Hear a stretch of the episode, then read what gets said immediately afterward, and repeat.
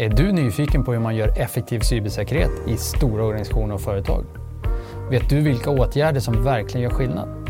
Häng med oss i Cybertalks och få svaren från våra erfarna gäster. Jag heter Rolf Rosenvinge.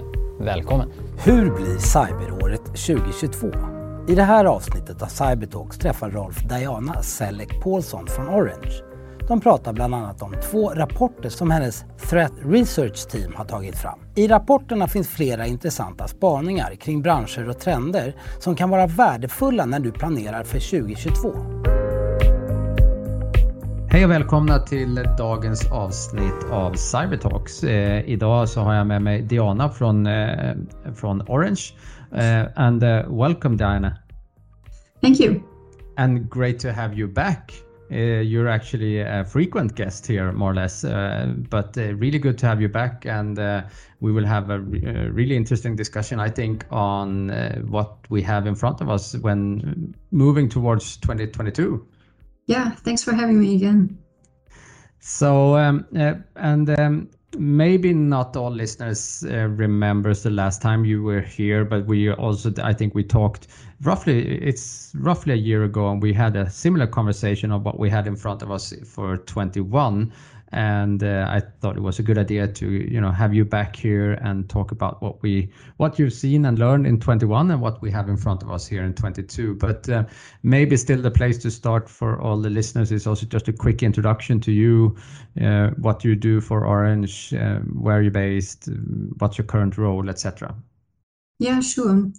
Um, I think funnily enough, it's been exactly one year since we talked last time. Um, so I've been working for Orange Cyber Defense for almost five years now. Um, I have uh, recently switched my roles within. Uh, so I'm now a lead security researcher uh, of our global research unit, the Security Research Center. So I'm pretty excited about that, and um, that also justifies a little bit my involvement in uh, the report that we're going to talk about today.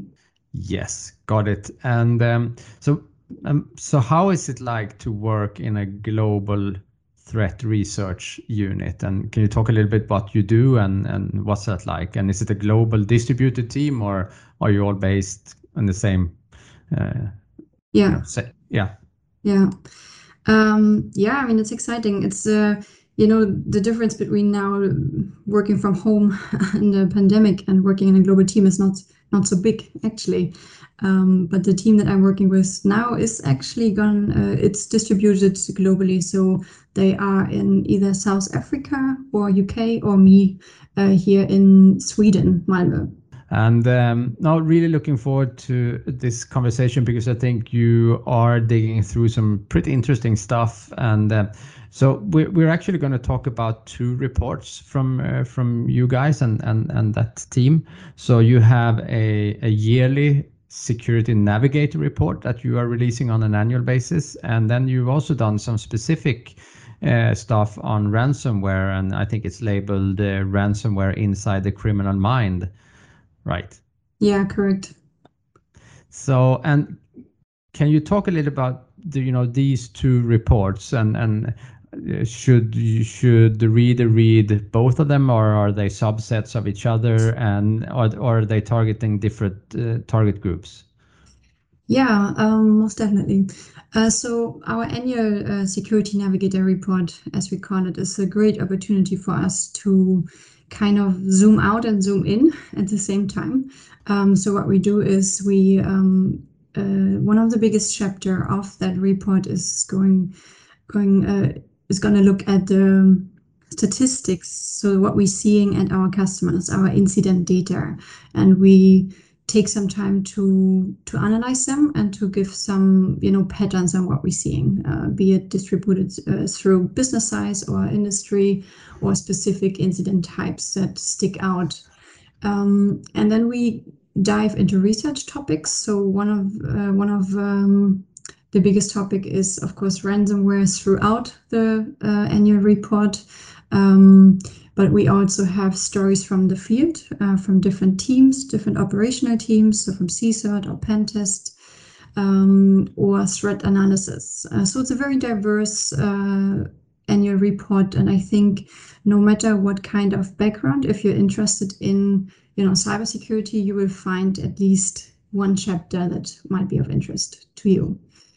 Um, and then the second one that you mentioned, uh, we have um, over the last months we have taken some time to um, to look at ransomware from a different lens, as we say it, because we all know that this is the threat right now, and it's been with us for some time, uh, at least two years or longer, uh, in the form that we're seeing it right now. So we we've um, made some effort to understand ransomware better uh, and ask why why are we seeing this and how can we combat it? And by that we have actually used a little bit of my background because i'm originating from so, social science. So i'm a criminologist uh, by education um, and we've looked at one of the many crime theories to explain what we're seeing and to develop strategies or incentives for prevention. And uh, and we'll we'll get back to the uh, the ransomware report because I think you have some really interesting stuff in there. I'm, I'm and I'm eager to to to relay a couple of questions on that one. But but um, if we stick with the Security Navigator report and Maybe you could talk us through a couple of key findings that you bring forward in the report. What have we learned in in 21, or uh, were there any unexpected changes to the threat landscape, uh, et cetera? And really, what's your key key takeaways? Yeah, definitely.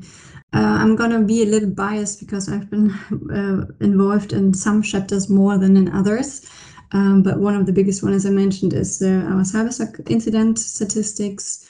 Um, and what we've seen there is that um, we have observed more incidents uh, than we have seen over the last years. And we don't necessarily want to, you know, add to, to the fear or to the screen that we're seeing more and more, but um, we do. So when we put this in context of, you know, just looking at the absolute numbers that we've been working on um, of our incidents, but to zooming a little in and looking at incidents, you know, per uh, per month and per customer, and then comparing that to last year, we do see that our customers have struggled with more uh, potential attacks than they have last year. So I think that's one of uh, one of the biggest takeaways. Um, we have uh, also seen much more confirmed malware incidents across all customers. So historically, we we see about one fourth of all our incidents, um, confirmed incidents, uh, being malware, um, despite other categories that we have. This year, we've actually seen uh, 38%. That's a lot. Uh, it's a big change. And uh, we, as I said before, we look a little, you know, in, in different industries to see what, what's happening there, what we're seeing there at our customers, but also business sizes. So we um, divide them into small that we understand as you know zero to 1,000 employees, medium uh, 1,000 to 10,000 employees, and then large organizations uh, 10,000 and more.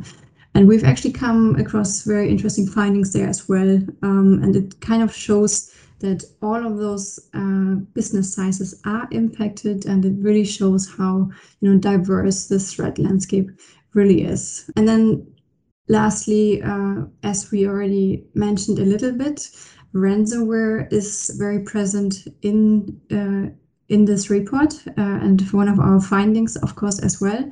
But it's also because we have increased our research capabilities a lot uh, now this year. And that means that um, over the year, uh, we have started to track uh, from the dark web every victim that has been publicly exposed on those so-called leak sites on the dark web. And uh, we've done it historically also um, till or since January 2020, so almost two years now, where we focus very heavily on victimology of ransomware victims, just to understand, you know, who is impacted the most. And by that I mean that not only have we, you know, um, um, track the, the victim and the victim name, but also we put some effort in understanding where is this victim head headquartered, um, what business size do they belong to, which sector do they belong to, how much data was stolen, what kind of data was stolen, have they potentially paid?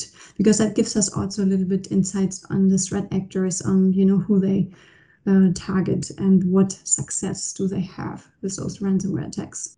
So a couple of questions, but maybe just a reflection first. So, so one of the things when when you say research, uh, and I actually think this is quite important. So research can also mean different things for different people. But I, when, as I interpret you, when you say research, you actually mean digging through real incidents that you have seen uh, across your customer base, etc. So it, it's this is not a theoretical uh, analysis. It's it's actually digging through real data from real incidents that you've done, right?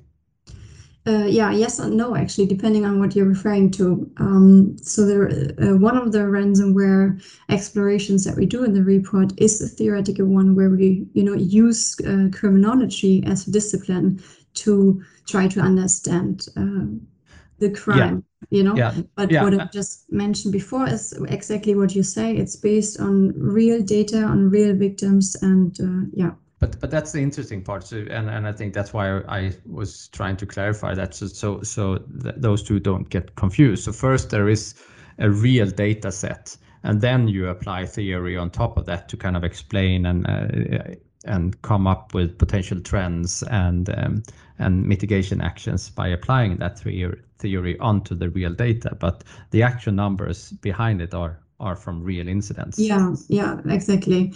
And um, I, I, see it as you know we have a really good quantitative data set um, based on real data and numbers, and then we have a really good qualitative based research on you know looking at the literature and research that has been done before us and how can we apply that to cyberspace, but then also to specific crimes such as ransomware. Got it.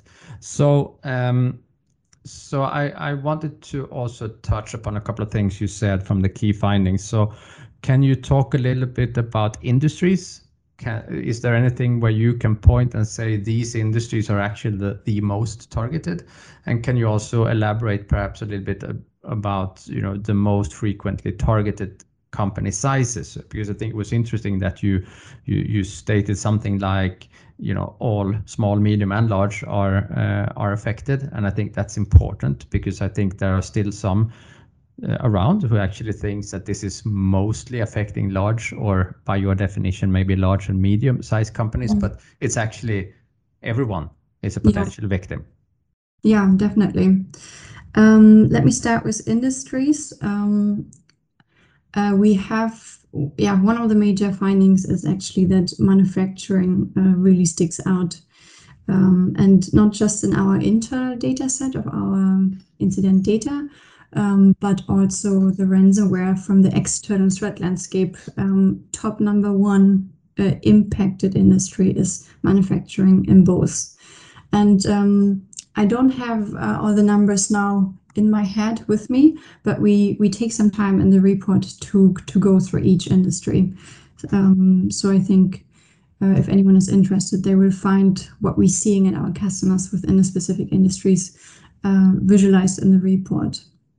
And then the second point, um, yeah, I'm, I'm very happy to uh, elaborate a little bit more on on the business sizes. Um, so if we if we stay a little bit um, with malware again because it's been so present uh, we see actually you know last year we kind of noticed that you know small and medium sized businesses have caught up with the same volume of as uh, of malware uh, as large organizations which means um, so last year when looking at all three sizes we saw that around 20% of all confirmed incidents uh, where uh, was malware in all three sizes.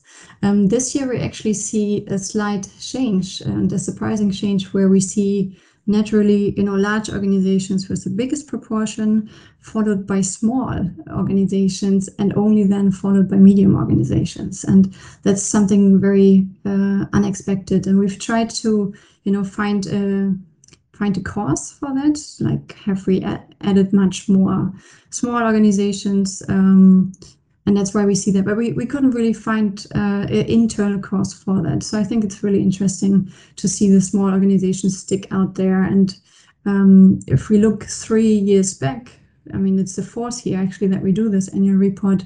We see that small organizations over the past three years have increased continuously in confirmed malware incidents. So they seem to struggle with that.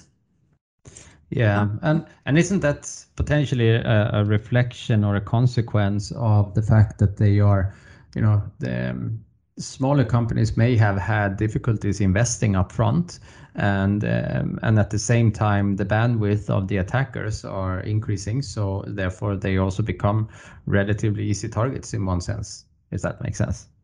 Yeah, exactly. I think it's also one one part of our explanation um, is that of course, when looking at the proportion, you know, large organizations have much more malware related incidents than small organizations um, because um, they have a bigger attack surface, but they also, you know, there's always, it's always hard to balance between is that because, you know, do we see more because we're looking more, you know, like our detection capabilities are there, the visibility is there. But I think with small organization, it really is that they just struggle more. Um, their resilience is not as high. Got it. And and then back to the point that you mentioned about also about when I asked about industries and manufacturing being the most targeted. I've I've seen uh, other reports indicating that as well, and we experienced that also in in some of our incident response work that we do. Um, and so, what's your take? Uh, I have a couple of ideas, but, but what's your take on on why manufacturing is so frequently hit? Um, I think we talked a little bit about that last year as well. That um, I mean, I think manufacturing is uh, is not ready yet, and they have a lot uh, of catching up to do. Um, and I think that's one of the biggest reasons why why we see uh, why we see them st sticking out. Uh, and it's um, you know in in the ransomware uh, crime business, what we see there, and I think I might dive into that later a little bit more, is that uh, there is a difference between you know being targeted specifically or being impacted because of available access. You know, and I yes. think manufacturing might suffer from that as well. That the av- availability of being compromised um, is just there. It's just so present for them that unfortunately they are impacted much more than other industries. Yes. No, I, I think you're right. There's there's definitely that's my perception as well that there is something about the attack surface and uh, or availability uh, that that you as you call it. I I actually also think that there is uh, you know there is that catch, catching up element. Um, but there is one more thing, and I think it's also the the fact that typically manufacturing has a really relatively high cost of outage. So from that perspective, I actually think some are actively also targeting this industry because it's mm-hmm. it seems fairly attractive uh, because of the high cost of our outages, which I think then in the attacker's mind at least leads to the the analysis that the likelihood of the victim paying it therefore increases, which I think is a relatively reasonable um, uh, thought process. Would you agree? Yeah, I would definitely agree. Cool. Um, so, um, so what about trends? And we are moving into 22. What um, what can we expect based on your research and analysis on on on the the data from 21? Where mm. what are the trajectories? Where are we heading? Um, I have actually some more some more business size insights to share, if you don't mind. um, before I dive into trends, uh, because I think there are some interesting things that uh, are worth mentioning. Um, because what, what we did notice in our data set uh, is also that um, when we look over time incident volume, we actually notice that uh, medium-sized businesses uh, have caught up with this uh, with the same volume of large organiza organizations uh, in one specific month, and that's super interesting to see that our security analysts actually had to, you know, work with the same volume um, for medium-sized businesses uh, as large organizations usually have to deal with. Um, why that is, we don't know. Uh, it's also, again, nothing that we internally can explain, um, but it's uh, interesting to see how that shifts over time. Um, and then last year, uh, what we also talked about here was that uh, when looking at ransomware because of course we're very interested also to see you know what do we see internally in regards of ransomware attacks because externally it's so present that topic and last year we noticed that um, we didn't really agree with the external threat landscape we we would see mostly first stage uh, attacks Uh, and while the external threat landscape increased in, in seeing more ransomware, uh, last year we would say we see the opposite. We see an increase in first stage uh, attacks. Um, this year it actually changed a little bit. So because we were able to, you know, put several data sets uh, together, um, looking at our internal incident data and our uh, external ransomware data that we're collecting and maintaining and nurturing, we could actually see that uh, we we saw uh, whenever we saw a high increase of external ransomware activity, we would also see an increase in first stage um, and ransomware detections within our customers. So, for example, July uh, stuck out, and if you might uh, remember, or anyone else, July was the month uh, of the Kaseya attack. So there was a lot of activity around that. So, um, no, cool. And um, so coming back to then 22, um, what what um, what do you think will be the major major ch changes or trends, or um, what where should CISOs really focus uh, if they want to be successful in in 22? Yeah, um, I mean we do have a feeling that ransomware isn't going anywhere because it's been so successful um, and it probably remains as such. And we've seen a lot of changes going on in, in that crime ecosystem. Um, so I'm really curious to see where this is going to lead us. Um, uh, secondly, what we what we've noticed in our annual report is um, we are tracking uh, uh, cybersecurity news and vulnerabilities, and we create advisories for our customers. And there, we've noticed that we we saw an increase in vulnerabilities in sec- uh, security technologies and that's going to be interesting because um, we you know we tend to add more technology to technology and that might backfire uh, sometimes or at, at one point. Um, so it will be interesting to see what the where that will lead to. And um, you know especially now um, we just chatted a little bit before this recording about it about the zero day vulnerability that just happened uh, over the weekend, the log4j, uh, it kind of shows that you know companies really need to invest in understanding their assets and you know what they're using, uh, and they need to be in control of that, and they need to have a crisis management in place um, to be able to act on such events. I mean, this specific vulnerability is going to stay with us for some time, uh, and I don't think we have um, managed to get the full grasp out, out of it yet.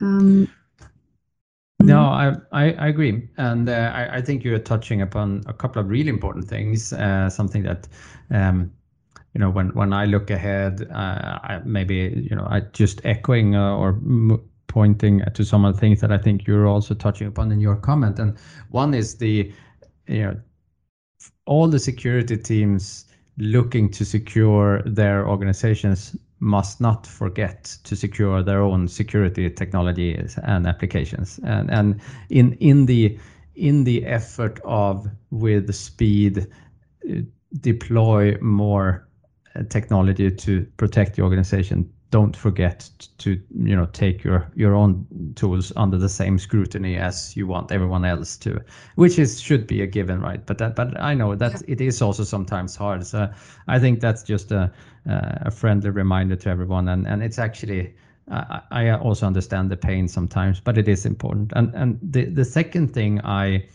I wanted to touch upon that you also mentioned here is that I think if there is one thing, or there, there are probably several, but one thing that many organizations can uh, prepare to work on, which I think would benefit them greatly, is to actually become much faster in analyzing, you know, does this new incident impact us? And that goes back to all the stuff that you mentioned in terms of asset management, etc. But actually also a, a, analysis process with a much quicker turnaround time so that you becomes much faster of determining a potential impact when a new zero day is released or whatever whatever the incident that's that's causing this stir is is about.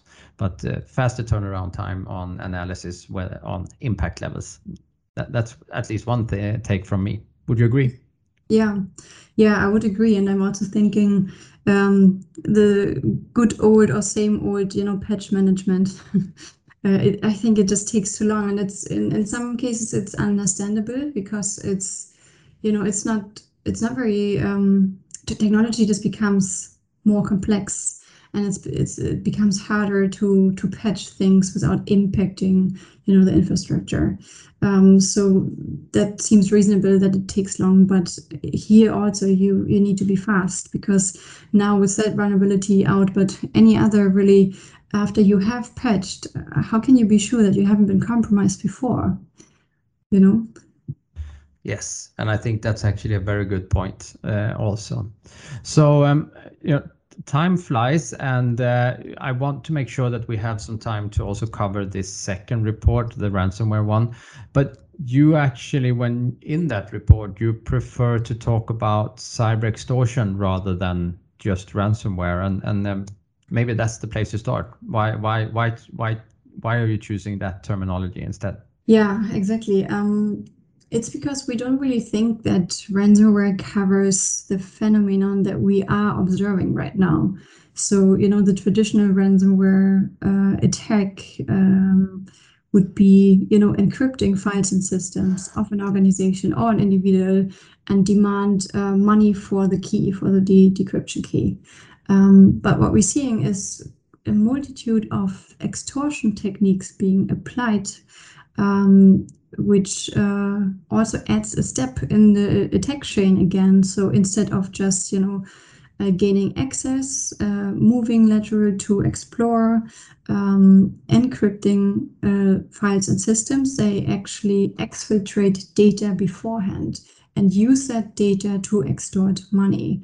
And then in some cases, some threat actors even have publicly stated that they don't encrypt any longer. So how can we call that ransomware if there is no encryption included, which is such, you know, it's in its core of of, ran, of a ransomware attack.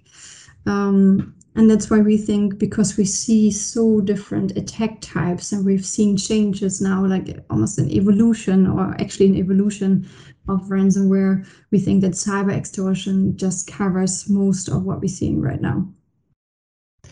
Yes, and I actually think that's an important point in itself because I agree, and sometimes I actually sense that when I move into conversations with, for example, um, clients on our side, that there is this focus on the ransomware part or the encryption of the infrastructure or destruction of backups or uh, etc and not enough uh, attention directed to the potential and very frequent uh, data exfiltration that also takes place, which is potentially also the stuff that will actually hurt you the most over a longer period of time.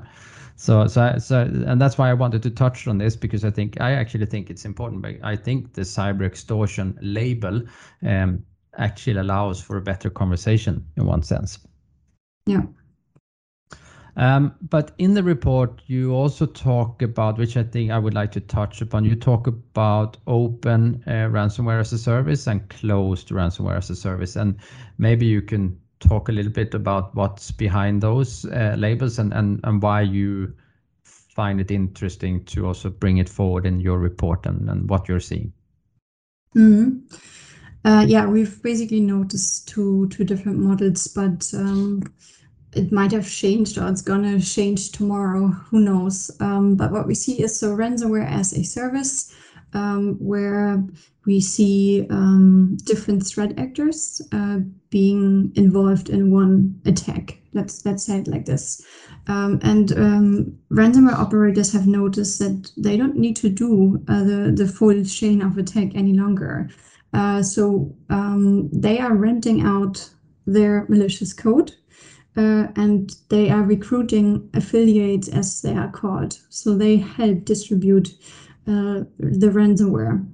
And for that, they have different models to for entry, if you will. Um, so there's an open ransomware as a service model where the operators would just openly recruit uh, online, so like either in clear web or dark web, um, and they would offer a specific percentage to join to join the game. Um, and that means that the person who wants to join that model doesn't necessarily have to you know, have um, the greatest skill set. Um, the entry level is very low, while closed uh, is very exclusive, and um, the ransomware operators would uh, look for very high, highly skilled team members, and they would have a vet process. They would have one-to-one interviews and you know tests to really verify their skills. And I think you know if you remember the colonial pipeline attack, for example, you once in a while you come across those events where you see actually that there is a discrepancy between uh, the ransomware operator and the affiliate, where they would then apologize and say, "Oh, sorry, we're, we're going to implement a more vetted process so that our affiliates don't accidentally target the wrong, you know, organizations." Do you think it's fair to say that also the rise of the open ransomware as a service is one part of the explanation of why we also see the overall incident numbers going up? It's simply the the entry bar has been lowered for. Uh, is that fair? Yeah, I would say so. I think the open one is more common. Um, I don't know of so many groups um, that have the closed model and it's i mean it's been the last this year basically it's been such an active ecosystem so many new threat actors so many new leak sites to observe and you yeah you almost don't have time to really you know look at their web uh, website yeah leak site on the dark web and to really understand who they are and and what they're doing uh, it's such a fast evolving ecosystem and different players it is, yeah. So, and and one other thing I also find interesting with your report is that you, because some reports they only talk about they describe the threat or the size of the risk and and some uh, techniques or moduses, etc. But you also you also talk about what what we as our did or our digital societies need to do to start combating this, which I find interesting. And I have a couple of questions related to that. And I think if I read you correctly in the report, you are actually talking about that there potentially could be a need for increased regulation, uh, and that that could play uh, play a part in actually combating this ransomware epidemic, if you if you like. Mm.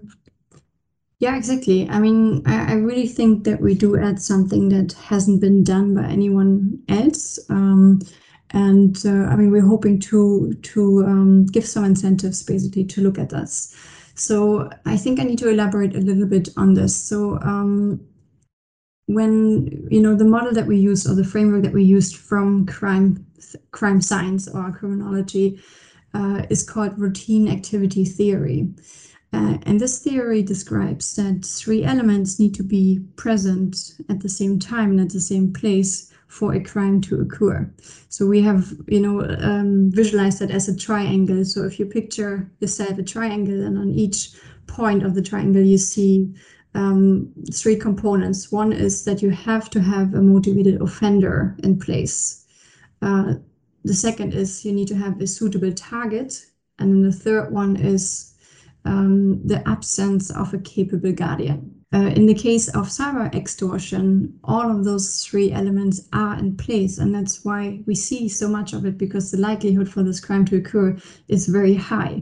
And we define motivated offender as, you know, initial access brokers who sell access to ransomware operators or affiliates, um, or the affiliates and ransomware operators. So those are our offenders, and the motivation is financial gain, so it's money. Um, the, the suitable targets is either can either be a person or entity. In the case of cyber extortion, it's it's organizations that are being uh, impacted. Uh, and then the absence of guard, guardianship or capable guardianship is law enforcement, security controls, or it can also be a person. Um, so when we say regulations, we basically we look at this triangle uh, and we we know if we manage to only disrupt one of those three components, the likelihood um, for a crime to occur decreases a lot. So how can we then, you know, learn from this frame, framework and disrupt just one of those? And in our paper, we actually look at all three. But if we look at motivated offender, regulations could help that, you know, how can we disrupt payments?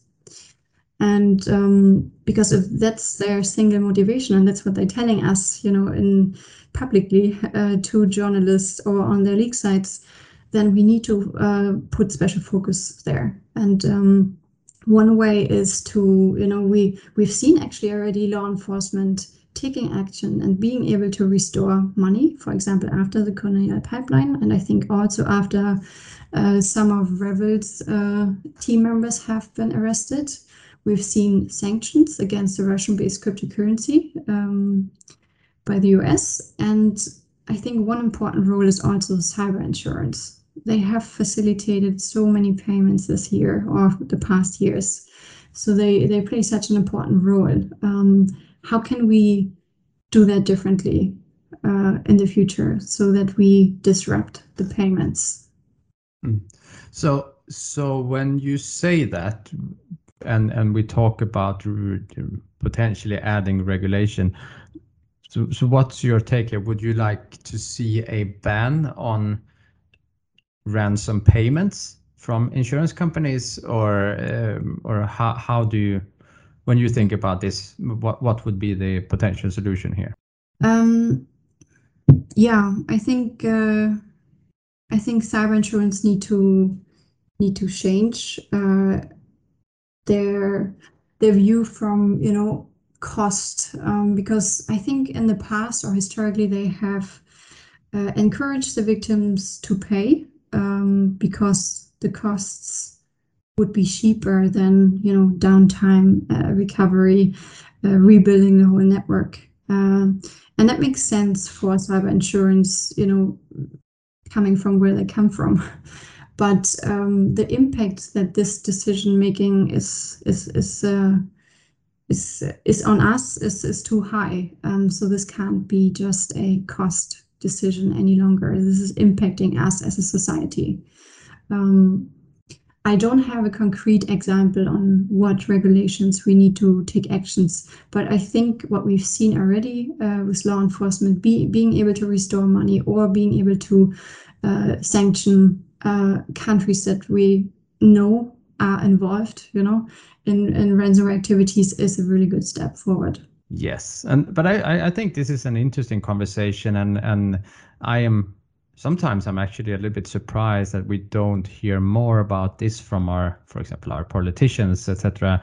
Uh, because I, I do think there are some elements here that could be very useful in terms of either um, enforcing really strict reporting requirements. You know, if you're hit, you actually have to disclose that you're hit and and associate um, um, penalty if if you're not disclosing, etc. It could be potentially uh, actually um, uh, stop uh, ransom yeah. payouts still of course insurers would you know there there will still always be an insurance market for covering the cost of outage or remediation etc but to prevent the the ransoms from being paid out i think that would actually be interesting to to explore for for the legislators um, but um, one other thing I want I wanted to make sure that we have time to cover because I think it's interesting also in your analysis and you mentioned it before it was the absence of the capable guardians. Um, and I think for ransomware and, and how we have seen it uh, play out in 21 I actually think it's a fair statement first of all. You know I do think that we have seen an, an absence uh, of capable guardians. Um, the question is who should those capable guardians be? Do you because my sense a little bit actually is that we are placing a lot of faith in uh, in uh, private sector security companies to be mm. those capable guardians. And is that really the way to go? Is that fair? Can we even place as a, as societies can we place that expectations on the private sector? Yeah yeah no a super interesting question. It's also something that we have uh, yeah addressed in that paper and also discussed heavily internally. Um, yeah so i mean you know originally that theory arrives from many many years ago when the internet wasn't actually a thing. You know it, it concerned offline crime and they looked at offline crime.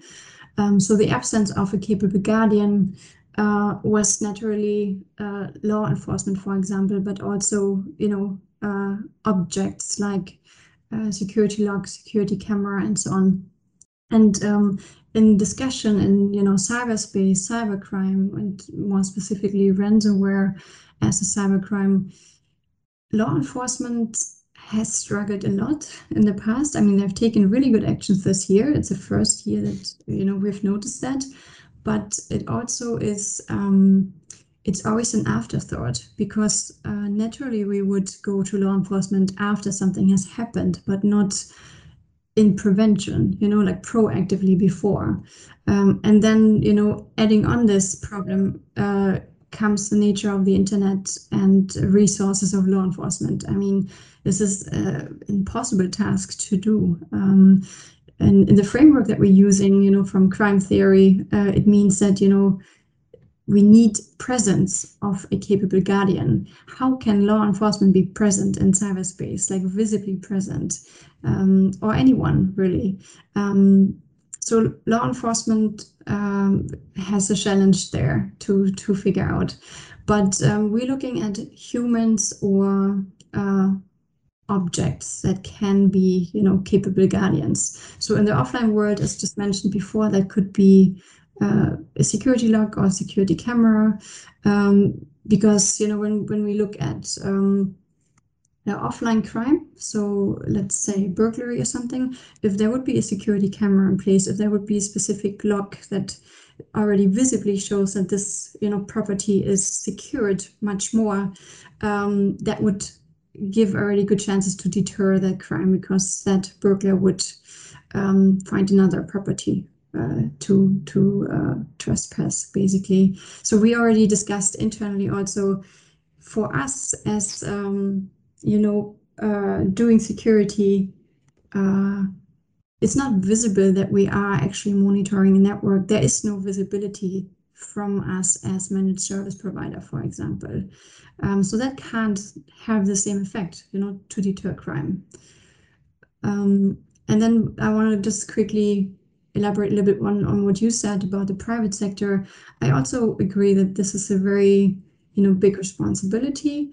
And um, we also need to see where the interest lies, right? So in our paper, we are exploring ourselves as managed service providers.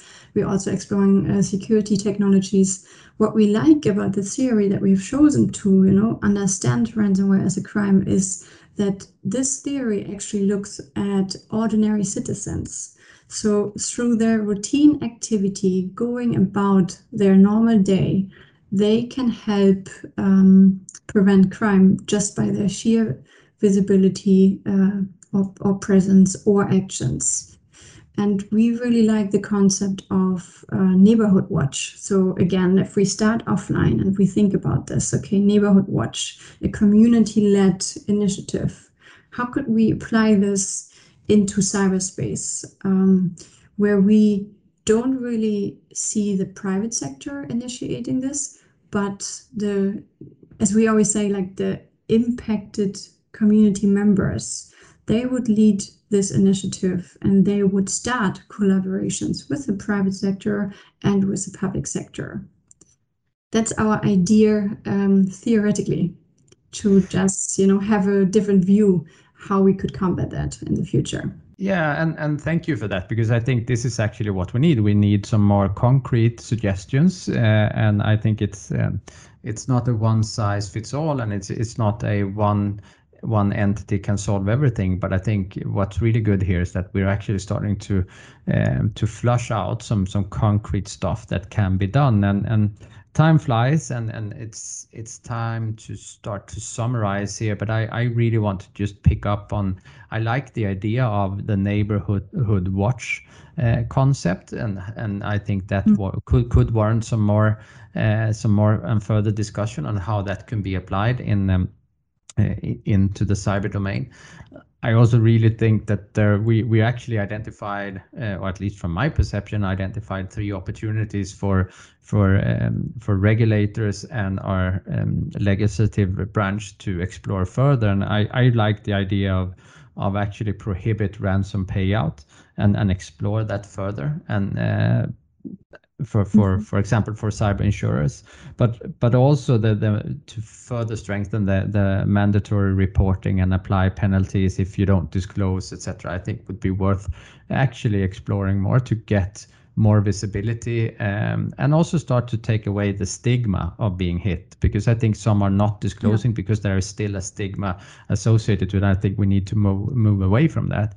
And thirdly and lastly, I, I also think that one of the most important um, tasks of the society and especially mm, potentially for the government agencies is to start up the cost for the uh, or raise the cost for the ransomware attackers.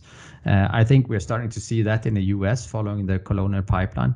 Uh, and I actually think that's something we should actively consider here in Europe also from, from our governments. And you know, how can we start to apply that pressure so, so the cost of doing business simply uh, goes up for these. And I think that would uh, that would probably also be helpful in taking the overall attack numbers down. Uh, and in the meantime, everyone, of course, still needs to continue to work on their security posture. Does that sound like a, a, reasonable way to wrap 21 and, and look ahead for 22? Yeah, I think so. I just want to add on one thing that um, that you brought up about the mandatory reporting. I think uh, this would benefit in two ways. Also, that that uh, I think is super important. The first one is it would completely take away the leverage, not completely, but like majorly the leverage from the threat actors. Because what we're seeing is that they are threatening the the victims um, by saying, you know, if you don't pay, we're gonna go public with your data, and you have you know you will be breaching your local data regulation um, and your branding your customers are not going to trust in you. So if they do report this is a leverage that's going to be gone. So that extortion technique is not applying any longer. And then you know i told you that we have observed over 3000 victims um, but this is i think that's just the tip of the iceberg. This is only the ones that have publicly been exposed which means it's only the ones where negotiation has gone bad or they have decided that they cannot or will not pay. We don't have the, the whole picture. And it would be great to, to get actually the whole picture of the whole threat. Exactly. So um, no, very cool, and um, thank you so much for for joining us again and sharing your insights. I actually think both those reports are definitely worth reading, and I especially I, I, I like how you how you talk about the you know the three components in your rat theory and i think that's actually very interesting and not something i've read so much about in in uh, from others. So well worth the read. And um, diana said paulson from orange thank you so much for being with us today. Yeah thank you for having me. And for all the listeners until next time. Podden är ett samarbete mellan Orange Cyber Defense och Paliscope och spelas in och klipps på Om Media.